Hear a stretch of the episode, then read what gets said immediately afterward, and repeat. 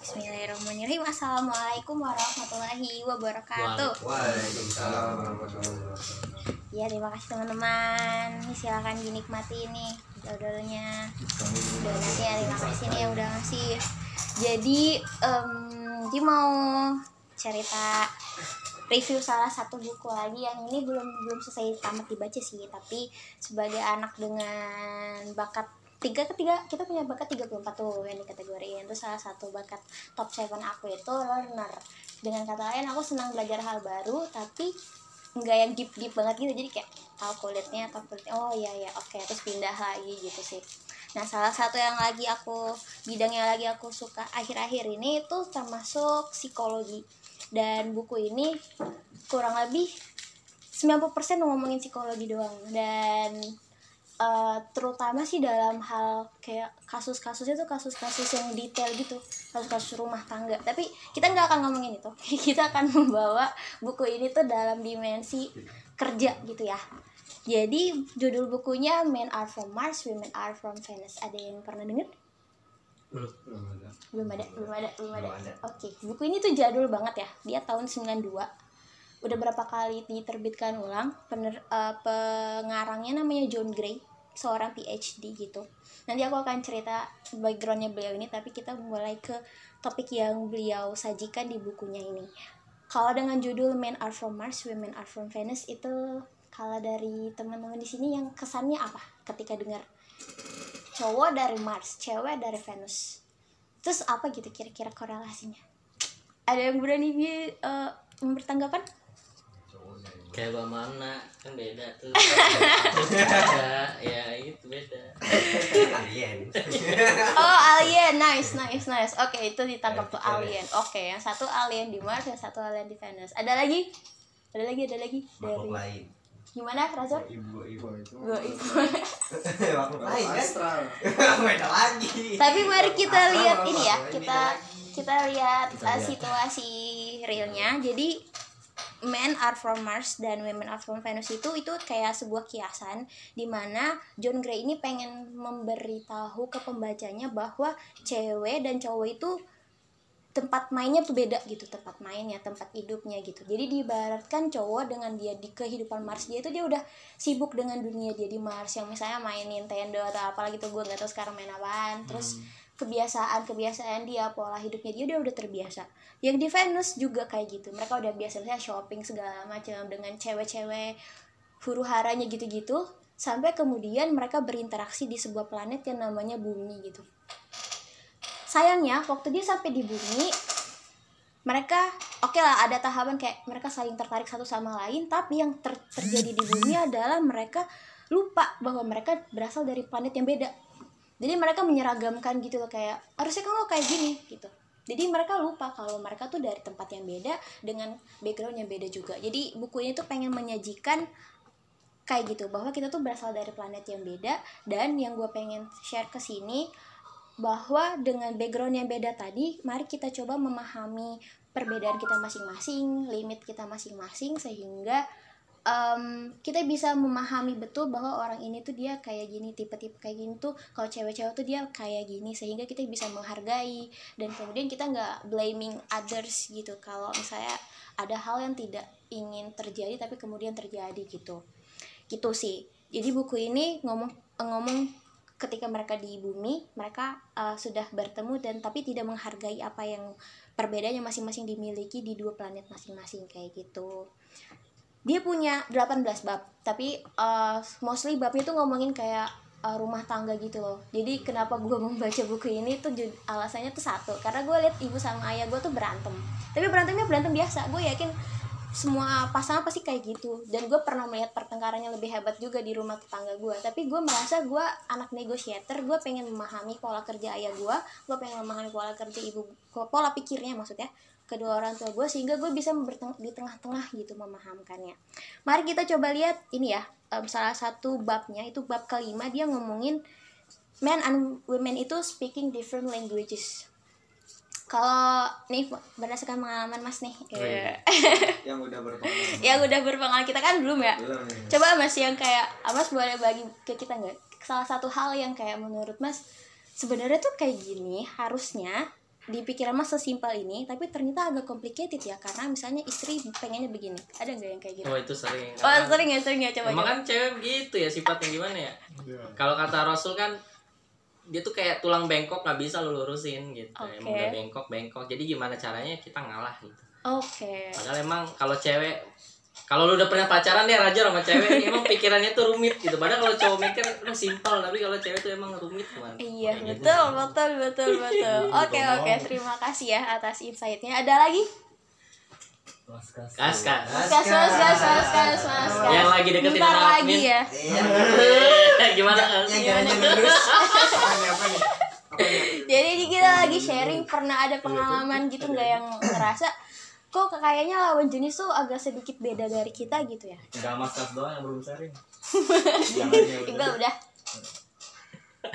Eh, ada yang beda maksudnya Komunikasinya kak atau apa gitu?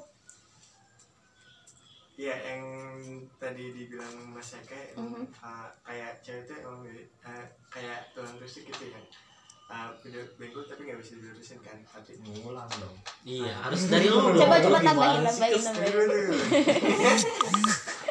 Terus terus.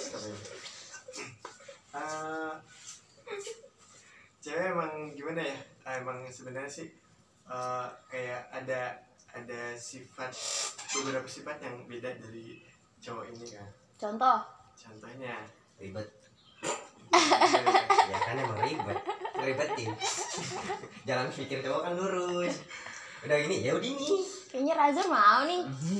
Belum berani Raja. Berani. kalau cewek emang sebenarnya harus bisa dimengerti gitu kan Oh iya ya karena wanita ingin dimengerti. Siap siap siap. Mantap, mantap. Oke oke. Gimana? Kita back to topik ya. Jadi di bab 5 ini dia ngasih tahu kalau we're speaking different languages. Ada dua ada dua hal yang pengen gua highlight gitu.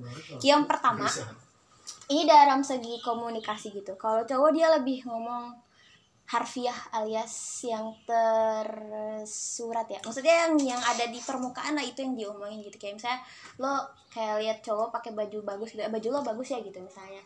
Terus atau apalah gitu pokoknya yang di awal yang di permukaan-permukaan. Tapi kalau cewek itu dia lebih kosakatanya tuh lebih artistik, lebih dramatis. lebih dramatis. Iya, iya iya. betul. Nah itu gue pengen kaitan dengan well gue anak biologi gitu dan di di kampus gue dijelasin perbandingan antara otak perempuan dan otak pria gitu.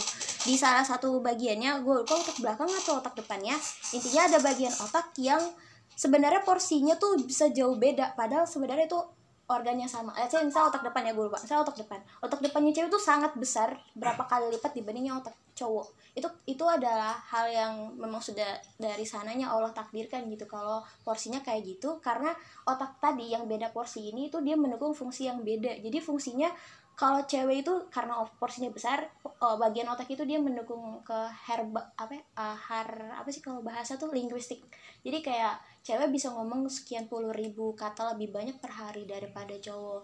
Makanya ya banyak yang gosip banyak yang ngomong segala macam ngobrol-ngobrol.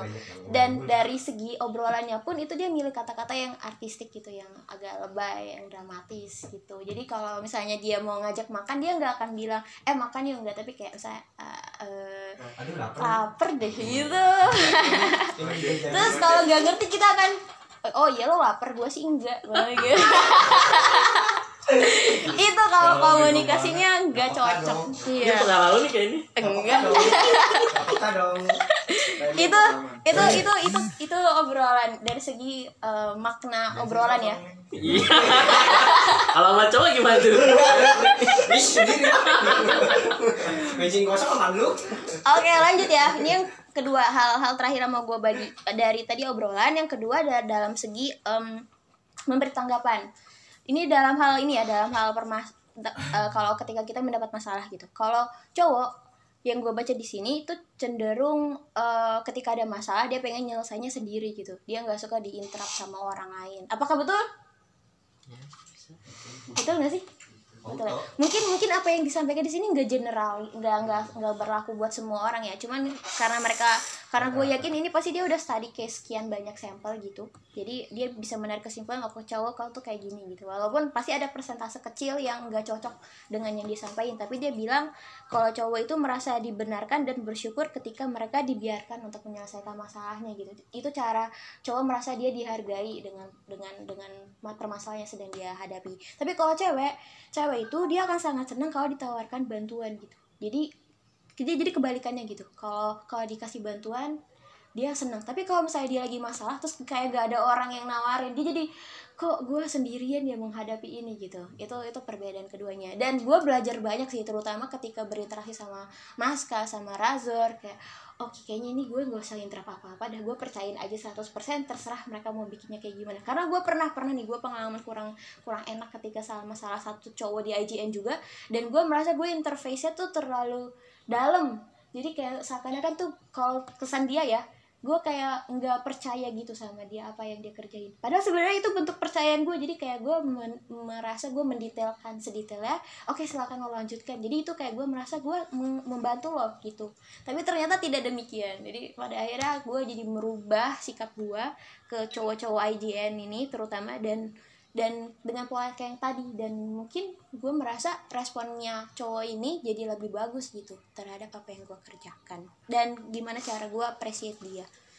Kayak cukup. Cukup simpel kan ini teman-teman? Tapi tau gak? Iya sedikit plot twist di di akhir. Pada akhirnya gue jadi pengen tahu lebih banyak tentang John Gray ini. Dia kan seorang dokter dengan gelar PhD itu. Terus tau nggak apa yang bikin gue jadi gila gue baca buku orang ini. Jadi dokter John Gray PhD ini dia backgroundnya 9 tahun menghabiskan waktu di Switzerland sebagai seorang biksu. Dan dia ngambil PhD-nya itu dari kursus jarak jauh. Jadi kayak cuma kuliah online. Ya dia kuliah online doang terus dia dapat PhD terus dia bikin buku dan bukunya benar-benar bestseller gitu. Dia punya 45 seri buku yang ngomongin kayak hubungan perempuan dan laki-laki aja ada gitu itu doang sih bukunya. Jadi lagi setelah baca buku itu gue jadi eh setelah baca background itu gue jadi paham oh kayaknya ini gue nggak bisa terima mentah-mentah buku dia gitu dengan apa yang dia ceritakan. Jadi gue nggak bisa membenarkan 100% juga karena orang-orang di luar sana tuh juga kayak merasa buku ini tuh nggak ilmiah sama sekali karena dia cuma punya kata-kata pemanis dengan ditambah dengan bumbu-bumbu apalah gitu-gitu. Dan dia mungkin samplingnya tadi yang gue bilang mungkin gak sesuai dengan yang seharusnya. Misalnya ilmiah tuh sekian persen gitu dari populasi tapi dia nggak cukup. Jadi dia sebenarnya nggak bisa ngeklaim gitu. Jadi eh, poin berikutnya yang gue pengen tambahin mungkin kalau lagi baca buku baiknya kita cek background orangnya dulu. Terus yang kedua ketika kita merasa ada yang kurang pas dari bukunya uh, mungkin kita bisa terima itu sebagai kekurangan dari si penulis ini gitu. Dan kita bisa menambahkan values values pribadi kita yang kita rasa agak kurang kurang matching nih. Jadi baiknya tuh kayak gini loh. Jadi kita bisa sortir juga. Kayak gitu. Tapi overall buku ini tuh menambah insight gue juga sehingga gue bisa merasa gue punya komunikasi yang lebih baik nih sekarang sama lawan jenis gue sama cewek-cewek juga. Karena gue ngerasa gue anaknya banyak cowoknya. Jadi kayak gue tuh ngerasa gue cowok yang terperangkap dalam badan cewek. Karena tadi eh, kayak gue enggak sih gue anaknya lurus-lurus aja gitu. Kalau ngomongnya lapar apa enggak ya gue bilang enggak gitu. Ya udah cukup gitu. Tapi ya udah itu aja teman-teman. Terima kasih banyak. Semoga abis ini komunikasi kita dengan terutama lawan jenis bisa lebih baik lagi. Terus ya bisa saling support satu sama lain untuk IGN yang lebih baik Yeay. terima kasih assalamualaikum warahmatullahi wabarakatuh Waalaikumsalam.